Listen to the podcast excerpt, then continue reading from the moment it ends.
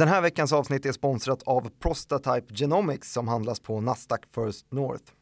Jag intervjuade bolagets vd Fredrik Persson häromveckan och eh, det här bolaget har en färdig och verifierad produkt för att mm, på ett enklare och träffsäkrare sätt än dagens metoder diagnostisera prostatacancer.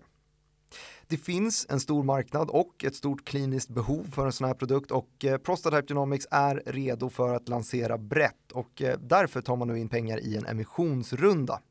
Vill man lära sig mer så kan man se min intervju på direktstudios.se eller läsa mer på deras hemsida prostatypegenomics.com. Teckningsperioden löper mellan 6 och 20 juli. Vi säger tack till Prostatype Genomics.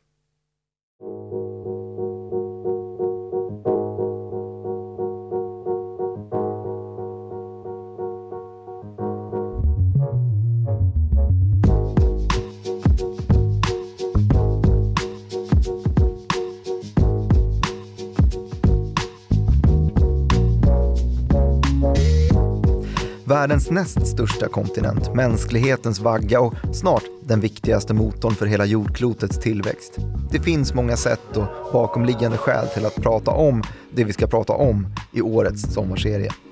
Det ska handla om Afrika, kontinenten som bär på en framtid som inte bara är dess egen utan också hela världens. Lika sant som det är att hela världen under långa perioder förvandlat Afrika till det utarmade offer som gjort henne till den fattigaste världsdelen är det också sant att nyckeln till framgång för hela mänskligheten ligger gömd här. Det är en nyckel som vi nämligen måste använda för att låsa upp framtidens ekonomi som ska möjliggöra fortsatt teknisk landvinning, automatisering och grön energi som kräver resurser som bara finns i tillräcklig omfattning i detta Afrika. I en flerdelad serie bjuder därför vi, som är programledare Martin Nilsson och utrikesredaktör Joakim Rönning, in er lyssnare till en upptäcktsfärd genom denna väldiga, gigantiska kontinent. Det blir en resa som tar sin början i de första människorna, via Nordafrikas urgamla civilisationer och egyptiska faraoner, via den arabiska expansionismen in i det koloniala mörkret i Kongos djungel och ut igen i frihetskampen, slaget mellan demokratiförkämpar och militärdiktatorer och vidare mot en nutid som snart ska bli till en framtid som bara måste bli Afrikas. I avsnitt tre beger vi oss till Östafrika. Under 2000-talet har vissa länder i den här regionen utmärkt sig för ett märkbart stark ekonomisk utveckling som nu hindras av en ny våg av de ständigt hotande krigen och svältkatastroferna. Hemma hos oss i Norden har dock ett antal fängslade svenskar stått i centrum för vår verklighetsuppfattning om länderna här, där Etiopien är den största och mäktigaste ekonomin. Trots torkan sitter regionen på en faktisk guldgruva den så kallade Nubiska skölden som är en av världens rikaste depåer av såväl ädel som industrimetaller. Men århundraden av fattigdom har omöjliggjort för stater att berika sig och respektive befolkningar på de dyrbara resurserna. Finns det något som talar för att den saken kommer att ändra på sig och att den folkrika landsänden på Afrikas horn till slut kan bryta sig loss från fattigdomen? Eller ska alla tänkbara lösningar för evigt utlösa nya problem i det konflikttyngda och etniskt uppblandade östra Afrika? Kan du svara på sista frågan här Renny? Ja och nej. Jaha. Hej. Är vi klara med avsnittet då? Nej. Uh, nu ska vi prata om Östafrika här. Just det. Ska vi börja med en geografisk uh, kartbild? Vill du höra att det är en viss landsände av Afrika igen? Ja. Östra Afrika. Kanske framförallt vilka länder, vilka länder. menar. Det här handlar då, det går ju att definiera på olika sätt, men vi kommer gå efter en definition som då är att Östafrika ska inräknas Etiopien, Eritrea, Djibouti, Somalia, Kenya, Uganda, Tanzania, Rwanda och Burundi. Mm -hmm. Vi kommer prata väldigt mycket, väldigt olika mycket om de här länderna. För de är olika stora, olika betydliga för den här regionen. Vilken kommer vi prata mest om? Etiopien, helt klart den viktigaste ekonomin ja, i Östafrika. Den eh, största ekonomin och det största landet sett till befolkning i den här regionen. Men tätt därefter kommer väl ändå typ Tanzania, Kenya också som stark ekonomi ja, i relation? absolut. Men här bor det väldigt mycket folk i Etiopien. Det är ett gammalt land som har en högst symbolisk betydelse för många afrikaner. Varför det? För att det är ett av de få länderna som aldrig har varit koloniserat i egentlig mening, inte helt och hållet i alla fall. Just det. Italienare och sådär har ju varit här och härjat lite men aldrig riktigt lyckats ja, besitta tronen här. Och det har en stor betydelse då för många afrikaner runt om i världen. Särskilt då utifrån den historia som eh, har utspelat sig för många afrikaner. Det var ju över 12 miljoner som skeppades iväg till de amerikanska kontinenterna och Karibien, som ju alla vet.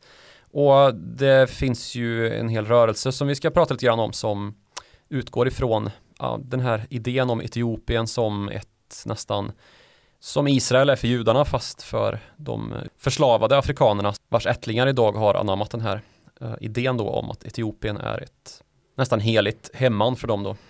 Och var börjar vi historien om Etiopien? Ja men Etiopien, en väldigt lång historia såklart då eftersom att det är ett av världens äldsta riken. Um, det är ju bland annat känt för drottningen av Saba, känner du till henne? Mm. Queen of Sheba. Känner igen. Hon regerade i alla fall i vad som sedermera kommer att bli etiopiskt ett etiopiskt land som var kopplat faktiskt över Röda havet till Jemen, alltså Arabhalvön. Så det skiljs ju bara åt då av Röda havet här ju. Drottningen av Saba är omnämnd i såväl Bibeln som Koranen och det nationalepos som skrivits för Etiopien. Och det är hon för att hon har besökt kung Salomo i Jerusalem. Så fattar man ju snabbt varför Etiopien har en viss religiös tyngd också då. Genom det att de ska ha fått barn ihop och deras barn då Menelik den förste är den första kejsaren också i Etiopien. Och han är då alltså den första av kejsarna som sedermera skulle komma som alla då ska vara i rakt nedstigande led från kung David. Alltså David är ju en ännu mer betydlig biblisk gestalt och det är då Salomos pappa, kung David. Också släkt med, ja, Jesus ska ju vara en avkomling av David. Eftersom att eh, hans mamma, jungfru Maria, ju var avkomling av David så blir han också det. Intressant släktled. Ja, får man säga. Så Jesus hade släktingar i Etiopien uppenbarligen.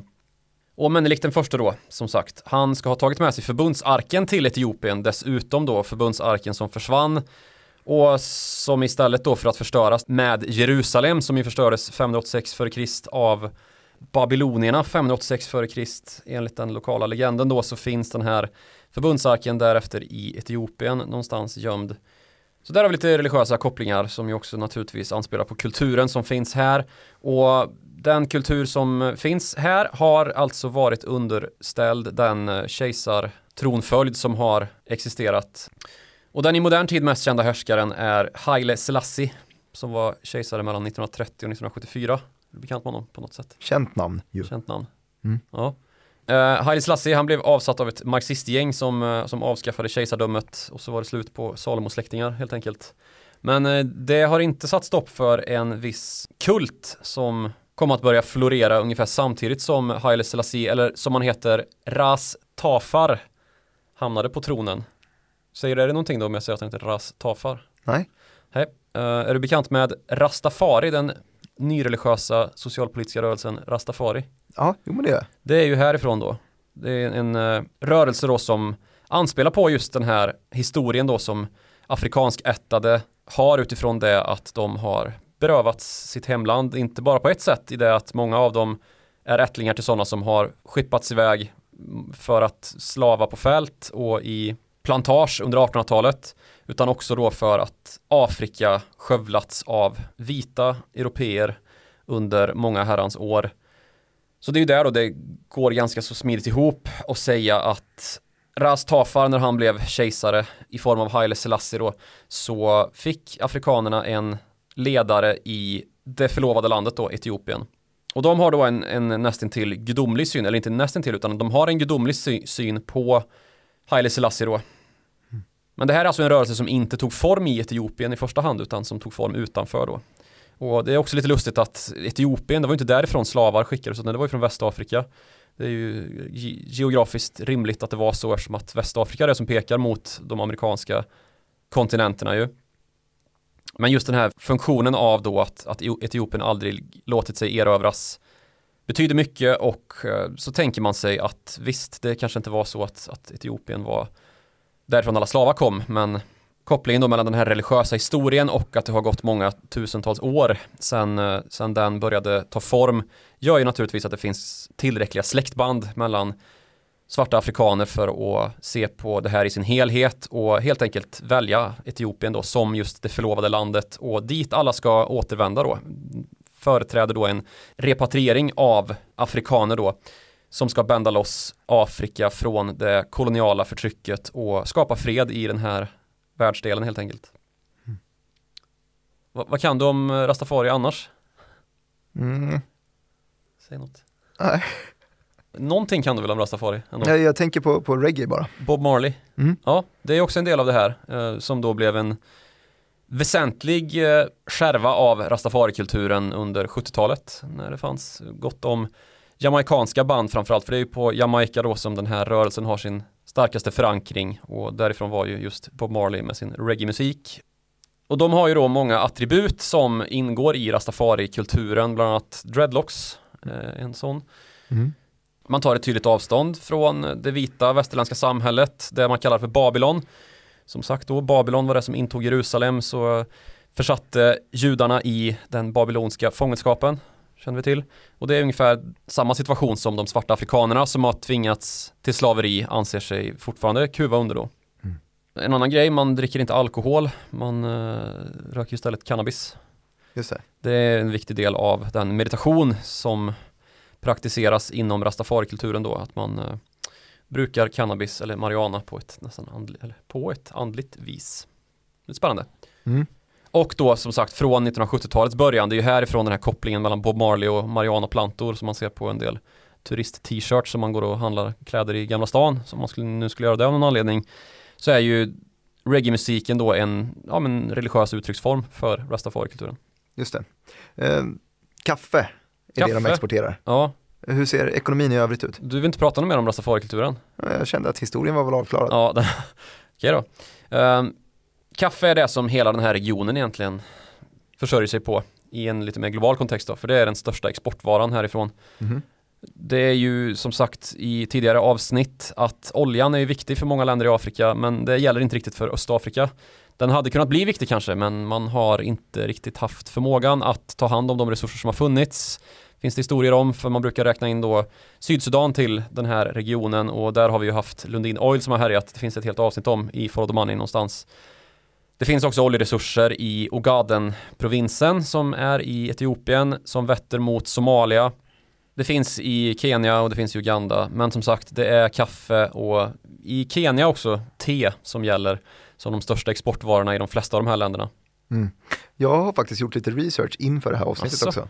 Sjukt. Jag gjorde en liten slagning i arkivet för att se om det fanns några eh, någorlunda fräscha kopplingar till just Etiopien. Jaha. Har du koll på vilket bolag som skulle kunna dyka upp där senast? Etiopien. Ja, Det skulle kunna vara något av de här Afrika-bolagen som håller på med råvaror.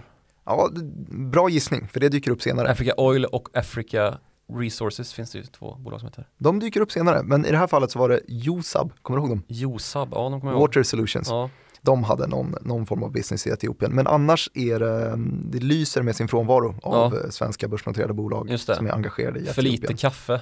För lite kaffe. Löfbergs lila är inte, Löfbergs heter de bara. Ja, inte börsnoterade. Gevalia. Zoega. Vad är ditt favoritkaffe? Eh, Arvid Nordqvist. Arvid Nordqvist. Ja.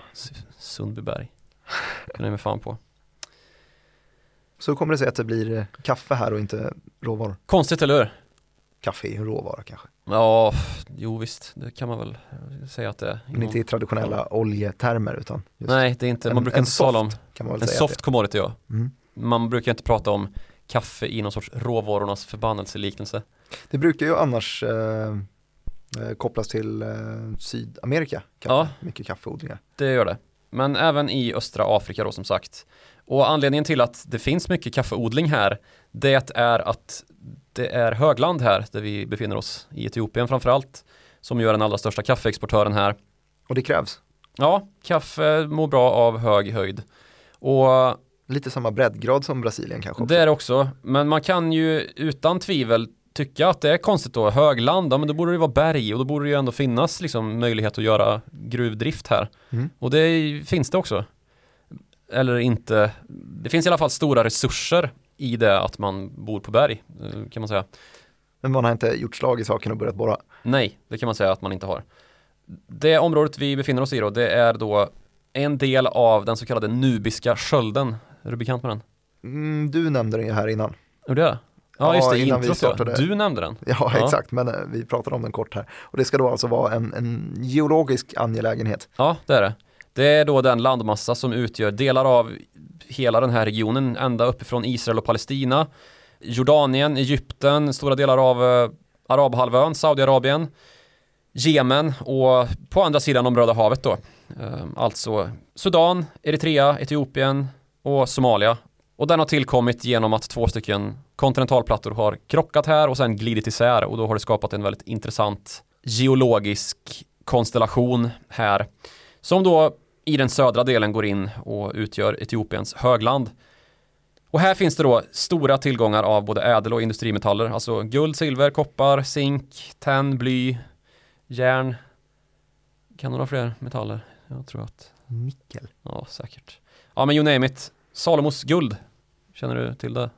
Omnämnt i första kungaboken. Det är väldigt mycket frågor till mig just nu. Ja, du som läser bibeln så ofta, du som går i kyrkan dagligdags. Mm. Jag ska hänga ut dig som Som kristdemokrat. Kristi brud. Mm. Ja, men i alla fall i första kungaboken i bibeln så uppges det då att Salomo använde guld som ska ha brutits ur den arabiska delen av den här nubiska skölden till att göra den så kallade förbundsarken som ju alltså lite grann är att betrakta som Guds tron, kopplingen mellan människorna och det högre väsendet Mm.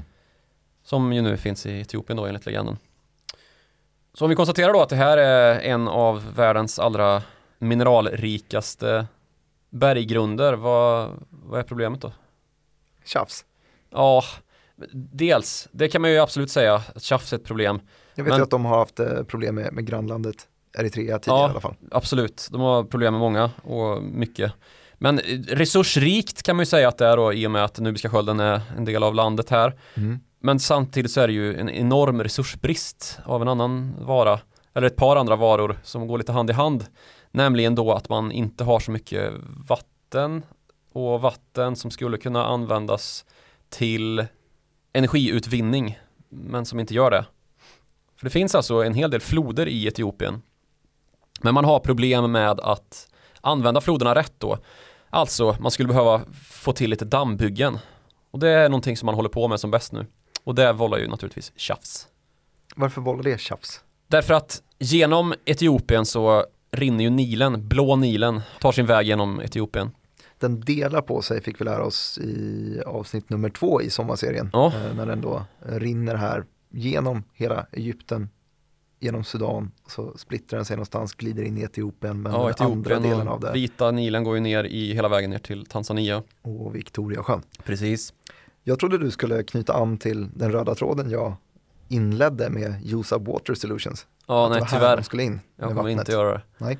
Eh, Det är då alltså, ska vi säga, ett eh, väldigt litet Ja, är man en riktig börsnörd så vet man vilka det är, för de var väldigt omtalade för för några år sedan. Men idag så är det börsvärde på eh, 25 miljoner kanske Ja. för hela företaget. säkert. Danderyds villa i börsvärde. Taskigt. Om vi återgår till det väsentliga så kan du få ställa din fråga igen om varför det blir tjafs om dammbyggen. Varför blir det tjafs om dammbyggen? Därför att nedströms i Nilen så vet vi ju redan att det finns ett par livskraftiga civilisationer som eh, har väldigt stor nytta av Nilen eftersom att den försörjer allt som är av jordbruk och annan typ av näringsverksamhet i eh, de länder som ligger norrut från Etiopien. Och då är det ganska stor ekonomi som ligger längst upp där mot Medelhavet, alltså Egypten. Och där försörjs 90% av alla egyptier av Nilens vatten. Så utan Nilens vatten på ett tillförlitligt sätt då i den här floden så stannar ju allt. Det skulle inte fungera någonting här. Då vill man inte att man korkar igen flödet. Precis, då vill man inte att det korkas igen flödet där. Och anledningen till att Etiopien naturligtvis vill ha en damm här har ju som sagt med kraftutvinning att göra men också då att man kan få en starkare geopolitisk makt i regionen genom att fördämma och bygga sig en liten sjö här och kunna konstbevattna och se till att Etiopien klarar sig bättre självt. För det här är ju ett land som ständigt och jämt är drabbat av svält. Liksom många andra länder i den här regionen. Det är ju kanske det som Östafrika är allra mest känt för, deppigt nog, alla svältkatastrofer som bryter ut här. Så om det ska ha uppstått tjafs så måste det ju vara något dammprojekt igång ändå eller? Ja, det är det. Den så kallade millenniedammen eller renässansdammen som ska bli störst i hela Afrika och som då fördämmer Blå Nilen. Och det här är ju skitjobbigt för både Sudan och Egypten, men det är Egypten som gapar allra högst. De har väl mest att förlora på det eftersom att det är en så stark ekonomi i regionen. Och då handlar hela den här konflikten då om hur lång tid det ska få ta att fylla den damm då som, som Etiopien är ute efter att skapa sig. För att då kunna utvinna kraft för att sedermera då skapa sin ekonomi och ja, i slutskedet kanske till och med kunna utvinna lite dyrbara metaller i den nubiska skölden. För resten av förutsättningarna har de på plats. Det är en gigantisk befolkning, näst Ja. störst, näst folkrikast i, Hela Afrika, i hela Afrika. bara Nigeria som är större. Det är en hyfsat stadig ekonomi jämfört med många andra länder i Afrika. Mm. Och eh, de har naturresurserna i marken. Ja, sen ska man inte säga att det är ett land som fungerar jättebra. Vi kommer till varför, men det är ganska så hög analfabetism och problem med etniska spänningar. Vi fyller på där sen. Men på tal om att fylla på så handlar det ju då om vilken fyllnadsgrad den här dammen ska få. Och så har man kommit fram till då från egyptiskt håll att det kommer behöva ta mellan 10 och 20 år för att fylla den här dammen. För annars så kommer Egypten stå utan tillräckligt mycket vatten. Och det vill man inte vänta på. Nej, precis. Så det är ju där konflikten ligger nu då. Det här är en sak som har nått en så pass hög nivå att Al-Sisi, alltså Egyptens president, han har till och med lyft att fan, vi ska inte bomba den här dammen bara, få det ur världen. Mm. Så eh, har man köpt in både F-35 och en del missiler som ska kunna användas då för att bomba taktiska mål i länder långt bort från sin egen hemmabas. Ja, vi har ju lärt oss att han är en handlingskraftig snubbe. Ja, han är ju en gammal militär själv liksom och tittar väl kanske först i den verktygslådan när han ska göra någonting. Det vet vi av andra skäl också som har med demokrati nedkämpande att göra. Mm. Och hela den här konflikten hämmar ju naturligtvis Etiopiens möjligheter att ja, fylla på dammen och få till både vattenresurser och kraft då för att kunna skapa en pånyttfödelse för den här ekonomin som alltså är ganska stor men inte särskilt stark då ändå. Men det är ju inte bara Egypten som man tjafsar med. Jag var inne på Eritrea tidigare. Ja. Vad vet du om David Isak? Ja men Det känns väl som att i regel folk vet alldeles för lite om David Isak Men att alla vet att han sitter där han sitter Mm. Men inte så mycket om vad det var som hände egentligen David Isak är ju en svensk journalist då med dubbla pass, både svenskt och eritreanskt och han uppfattades som en motståndare då till Eritrea när han som journalist flyttade tillbaka till Eritrea från Sverige och började verka för en fri press. Och det hamnade han i fängelse för och um, sitter där än. Och det är ju, det är Lite mer svenskar. än eh, 20 år sedan. Ja, 2001 tror jag det var han greps. Mm, det kan stämma, jag vet att man eh, uppmärksammade det kring ett 20-årsjubileum. Ja, sen så var det en ganska seg kampanj. Det dröjde ett tag innan den kom igång här i Sverige, så jag vet inte, det var väl en 10-12 år efter att han blev fängslad som det faktiskt började ta fart här och Expressen och DN och Aftonbladet och Svenska Dagbladet tog upp den taktpinnen och började skapa liksom en pressfrihetsgrej av det och kräva Dawit Isaks utlämnande, befriande och satte press på Carl Bildt och allt vad det var som då var utrikesminister. Men den tysta diplomatin jobbar hårt. Den tysta diplomatin har jobbat väldigt tyst Mm. och den har ju inte lyckats än och det ser ju inte ut att lyckas heller om man ska vara krass. Det har ju tvärtom varit så att Eritrea hävdar att det spelar ingen roll att han har ett svenskt pass. Han har ett eritreanskt pass och han gjorde sina försyndelser då enligt den eritreanska regimen i Eritrea. Så det spelar absolut ingen roll att han är svensk medborgare också. Han är först och främst eritreansk medborgare som har begått brott i Eritrea. Men det är inte det här man tjafsar om med Etiopien. Nej, um, Eritrea är ju då en gammal etiopisk provins som har haft krav på självstyre och där det pågick ett långt och mödosamt krig innan Eritrea till slut bröt sig fria och fick sin självständighet från Etiopien erkänd 1993. Så Etiopien lyckades stå emot att bli koloniserat under Rastafaris ledning och lyckades till och med skaffa en liten provins. Ja, precis. Um, Eritrea däremot blev koloniserat av Italien. Men när Italien lämnade i början av 50-talet så hamnade kolonialstyret istället då under Etiopien. Mm. Och blev där en provins då. Och sen så följde ett frihetskrig i tre decennier innan 1993 då när man fick sin eh, självständighet erkänd. Men det har ju varit ganska surt även därefter. Inte lika surt dock som eh, visar vi Somalia. Ett annat grannland till Etiopien som sagt. Det är ett av världens allra fattigaste länder. Med en ständig uppsjö som fylls på med nya problem eh, undan för undan. Ligger längst ut mot kusten på Afrikas horn. Ja, precis. Känt för pirater och annat. Mm. Captain Phillips. Captain Phillips, ja, precis. Tom Hanks-filmen där en stor fraktbåt blir kapad av ett gäng somaliska unga herrar som ska ha sin lösensumma. Och det här är ju en, en, enormt viktig farled då från Indiska oceanen och Arabiska havet som då går upp i Medelhavet genom Röda havet och Suezkanalen. Och här intill så ligger också Djibouti som, som har blivit en, eh, vad ska man säga, militärstation mer eller mindre. Där det finns militärbaser för en massa olika länder. Kina tog vi upp i första avsnittet. Sen eh, finns också Japan, USA, Frankrike och ja, alla. Litet, litet land som ligger liksom inklämt mellan Eritrea och Somalia. Ja, precis. Man har då en väldigt viktig del av den här rutten som eh, den allra, allra tajtaste delen på vägen över till Arabhalvön då och Jemen som ligger där. Mm. Slår man i arkivet så hittar man ingenting på Eritrea. Ingenting på Somalia heller direkt. Nej. Djibouti däremot. Aha. Det dyker en, eh, en liten spelare upp. Alltså. Seamless Distribution Systems har gjort affärer där. Aha, ett par år sedan. Mm. Mm. Så vad är problemet och potentialen med Somalia? Ja, Somalia har ju precis som många andra länder här omkring haft en massa olika kolonialmakter över sig eh, och det är dessutom två olika länder egentligen. Somaliland som har självständighetsambitioner och som har utvecklats till en, ja, inte helt erkänd men hyfsat ändå självständig demokratisk stat. Sen så har vi även Puntland då som utvecklats mot självständighet medan då den södraste delen av Somalia har jättestora problem. Och själva grundkonflikten med grannlandet Etiopien då, den härrör från när Haile Selassie störtades, alltså Rastafari-kingen. 1974. Ja, precis. Eller 75 när han dog i alla fall och det hela var, sagan var all liksom.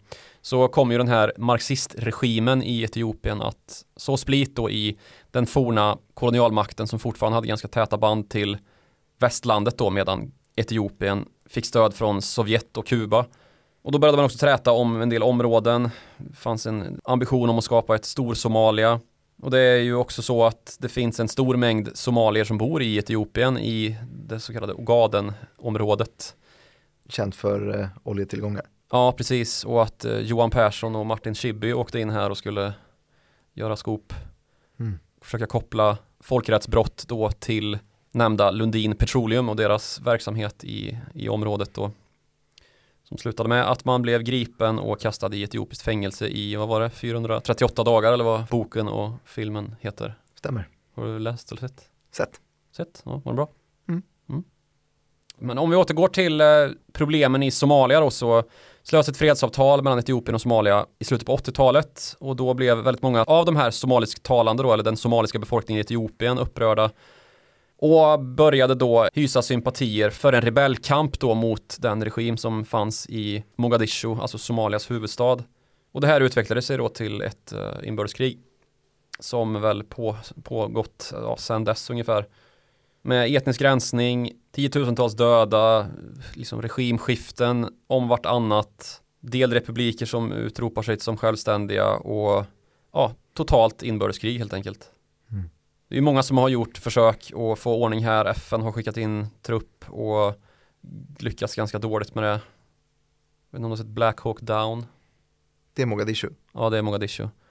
1992 eller vad det var när USA skickade trupp hit och 20 000 soldater som försökte få till någon sorts förhandling om fred och lyckades rätt dåligt som sagt.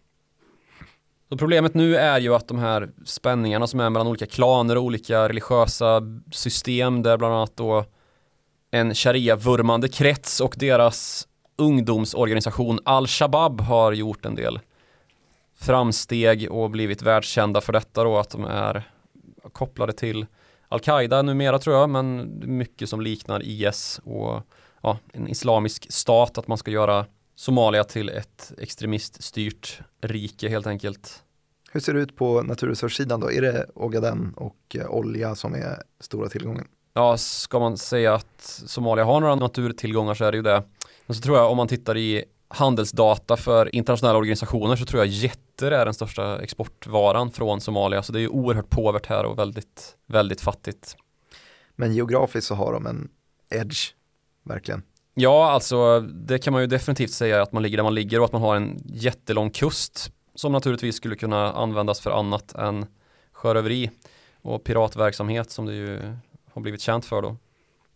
Du som bevakar utriket, hur ser det ut för eh, al-Shabab idag? Har det hänt någonting?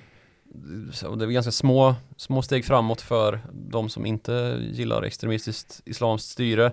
Uh, Al-Shabab har väl fortsatt med attacker och det är svårt att genomföra val då på grund av att det är så extremt osäkert i den här soppan som är Somalia just nu. Men man har i alla fall uh, fått till några preliminära val under 2022 här så finns väl någon sorts hopp om att det kanske rör sig i rätt riktning i alla fall men det är ju ett av världens allra mest dysfunktionella länder. Och nu har vi ju dessutom problemet med svält och nio här, delvis på grund av Rysslands krig i Ukraina men också då på grund av att en skörd ser ut att slå väldigt fel här och det är ju en grogrund för nya oroligheter naturligtvis så det ser väl inte jätteljust ut för, för Somalia. Så vad skulle du säga att tillväxthoppet för det östafrikanska blocket ligger? Ja men det är ju stora länder här som har haft en enorm tillväxt, förvisso från en ganska så låg bas om man så säger. De började ganska från en väldigt låg nivå. Så hur stor är tillväxten då? Ja men Etiopien har legat på nivåer i, i alla fall i närheten av tvåsiffriga procentuppgångar per år av BNP och samma med Kenya till exempel. Så det har ju varit ganska så gynnsamt. Det har ju också funnits ett hopp i regionen som ju kanske föddes med Abiy Ahmed, att han valdes till premiärminister i Etiopien just. Honom har man ju hört en del om, varför har man gjort det? Ehm, ja, han valdes då 2018 till premiärminister och kommer då från en, en, delad bakgrund. Hans pappa är Oromo och hans mamma är Amara. Oromo och Amara är de största folkgrupperna då i Etiopien, så det finns ett hopp där att han ska kunna bli en balansbräda. Det blev han också initialt. Framförallt i det då att han var den som lyckades få till fred med Eritrea efter många om och men. Och det här ledde ju till att han till och med belönades med Nobels fredspris ju. Det är ju kanske framförallt därför som han är mm. ett känt namn här i Norden eller i hela världen egentligen. Att han var verkligen fredshoppet i den här regionen. Men nu tycker jag inte att uh, man hör så mycket om Etiopien utan att det handlar om krig. Hur, hur, går det för honom? Precis, det går ju åt helvete nu. Nu är han ju anklagad för människorättsbrott istället. Och det beror ju då på att det har brutit ut en ny total kollaps i Etiopien ju. Det började med Tigray då, den nordligaste provinsen i Etiopien som vetter mot just Eritrea då. Som eh, enligt den statsadministrativa lösning man har valt i Etiopien har en del självbestämmande precis som alla andra provinser då. Och den tyckte då Abiy Ahmed att Tigray blev för järva i då, att man började ha lite för höga anspråk och till och med gick mot någon sorts självständighet, vilket man inte kunde tillåta då. Och då ryckte man ut i krig, skickade soldater och sedan dess så har det ju varit väldigt oroligt i Etiopien och nu så har det också brutit ut spänningar då mellan Amara och Oromo och de regeringsledda trupperna. Det var ju alldeles nyligen en massaker på över 250 civilister i en by som heter Tole. Ett massmord då som eh, OLA anklagas för, en separatiströrelse. Står för Oromo Liberation Army. Och den här byn då, Tole, den ligger i södra Etiopien. Och det här befaras ju nu då bli en, eh, en eskalation av den här etniska konflikten i Etiopien, där alltså Amara, alltså den här folkgruppen ur vilka de 250 blev mördade och som är då motståndaren till Oromo. De dominerar ju då eh, Addis Abeba och den regering som sitter där. Även om som sagt Abiy Ahmed är båda dera och pratar båda språken och så vidare. Så det började med den här utbrytningen i Tigray och sen så har det satt spinn på andra konflikter då i den här väldigt etniskt delade regioner för det finns ju väldigt många folkslag här. Jag skulle säga att den här Oromo separatiströrelsen, de hävdar ju att det var att det var regeringsstyrkor som begick det här massmordet på väg då när man hade blivit besegrade i en annan stad i närheten.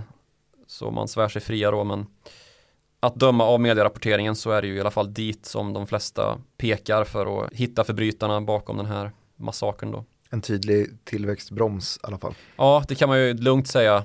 Det syns ju tydligt på BNP-talen för 2021 att det är någonting som har hänt. Och det är tyvärr inte bara pandemin som ju har drabbat hela världen utan också då den här krigsliknande situationen som ju bara eskalerar undan för undan. Rör vi oss söderut från Etiopien så har vi ju Kenya först och sen Tanzania och det här är också länder som har njutit av ganska häftiga tillväxttal och det märks också när man slår på dem i arkivet att det är helt annan typ av aktivitet bland svenska bolag också. Hur, eh, hur ligger det till? Ja, här är det ju betydligt lugnare. Om hoppet har varit Etiopien då tidigare de senaste åren och att tillväxten varit stark här så har det ju varit det även i Kenya och Tanzania och om man ska prata om hopp så är det väl hit man ska gå för att prata om det hoppet. Här har vi en del riktigt stora bolag, Equinor är i eh, Tanzania, dyker upp där, Millicom dyker upp, men också de här lite mindre bolagen som eh, jag vet att Euro Africa Digital Ventures, ett ganska nytt litet bolag, eh, köpte upp Kupatana som ska vara Blocket motsvarigheten här. Mm. Så att det finns i alla fall tillräcklig stabilitet för att kunna försöka bygga upp lite företag. Mm.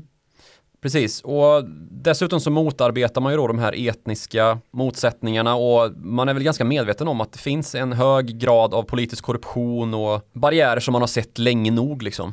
Och därför så har man då kommit överens om att man ska faktiskt bilda en ny statsfederation här i den här regionen bestående då av sex länder. Och de länderna är då Kenya, Rwanda, Sydsudan, Tanzania, Burundi och Uganda. Och det här ska alltså bli en eh, federation, en suverän stat. Utifrån en grundidé då som eh, stipulerades på 60-talet redan. Men som sagt, det har ju varit oroligt här och varit svårt att komma till skott. Men eh, nu har arbetet återupptagits då sedan 2018. Och vad pratar vi då? Tullunioner och?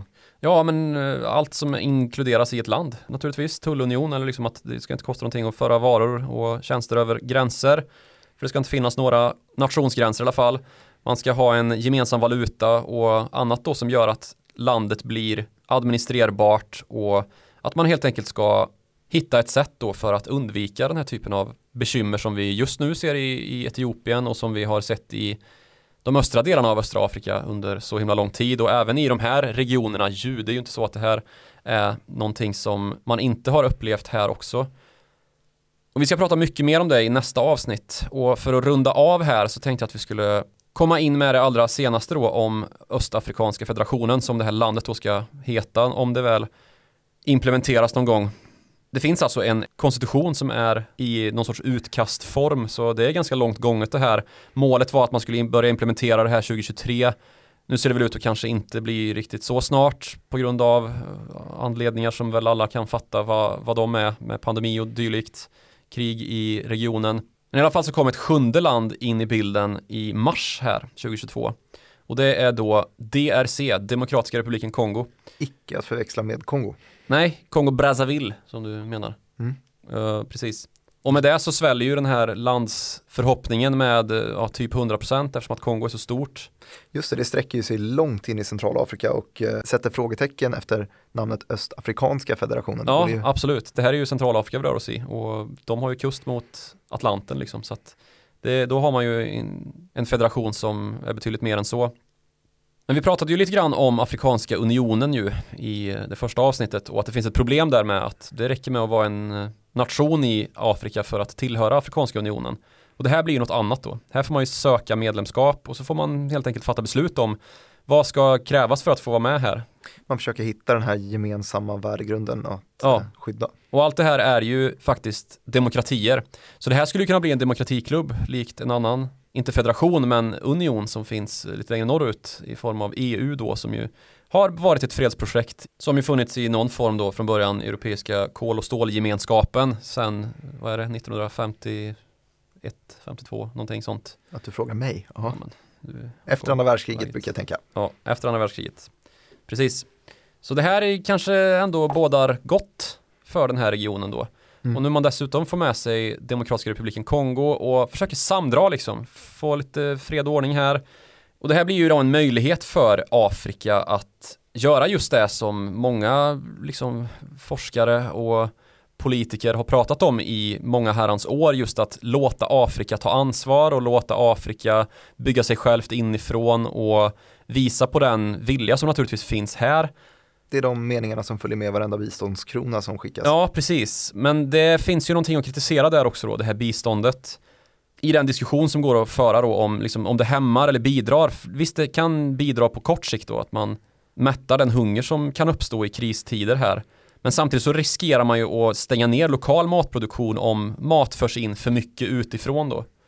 Precis som det går att hävda att liksom för mycket kläder, gamla kläder som skickas ner liksom till hjälpbehövande egentligen inte behövs. Um, och att det istället leder till att lokala klädproducenter eller liksom sömmerskor och skräddare inte har någon marknad för att ja, det är mättat med ja, gammal skit som har skickats från Europa och Nordamerika ungefär basprodukterna är redan tillgodosedda och man kan ägna allt åt att rikta in sig på råvarornas förbannelse ja, istället. lite så. Och så det går ju att hävda liksom att svält ofta handlar om inkomstbrist snarare än om matbrist. Inte alltid och inte på kort sikt, men det finns i alla fall gott om konstaterade fall där just det här har varit ett problem då, där matinförseln har varit för stor, skapar större problem på lång sikt eh, av liksom att den lokala ekonomin stängs ner och inte kommer igång då på grund av biståndsberoende som ju blir konsekvensen av det och som gör att den lokala produktionen av ja, men livsmedel och tjänster också då som är kopplat till det här inte har den efterfrågan som behövs i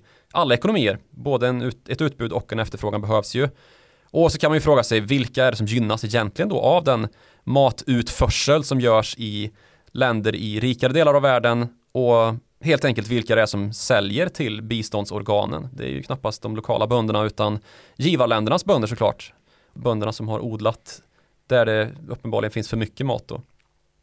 Så det är ju ett inverterat problem det där får man ju lugnt säga. Och sen så finns det ju också utifrån allt det här en viktig diskussion som inte alls har kommit tillräckligt långt och det är ju den om skuldavskrivning då för länder som tidigare har haft regimer som inte längre existerar vars företrädare då har fattat beslut om att helt enkelt ta lån från utlandet, från rikare länder och som nu till och med en del demokratiska länder kuvar under helt enkelt. Att man har så stora obligationsskulder från tidigare försyndelser som numera avdöda diktatorer har tagit med sig i graven men som inte har då skrivits av. Ja, helt enkelt inte tagit med sig i graven då, är väl kontentan. Mm. Vad ska man göra åt det här liksom? Det är ju en väldigt viktig fråga. kanske kan, jag vet inte om vi kommer vidare med just den frågan i nästkommande avsnitt om då Centralafrika som ska faktiskt börja lite grann i den här regionen eftersom att östafrikanska länder numera är centralafrikanska. Ja, plötsligt har blivit Centralafrika eller någon sorts merge i egentlig mening. Så vi kanske sätter punkt där. Mm. Och, för den här veckan det kan vi väl göra. Eh, och är det så att man själv vill skriva en mening som man kan sätta punkt på till oss så gör man det på followthemoney.direkt.se som är vår mejladress. Man ska ju också följa oss på Twitter och där heter du snabel Joakim Ronning och jag heter snabel direkt Martin. Vi hörs igen om en vecka.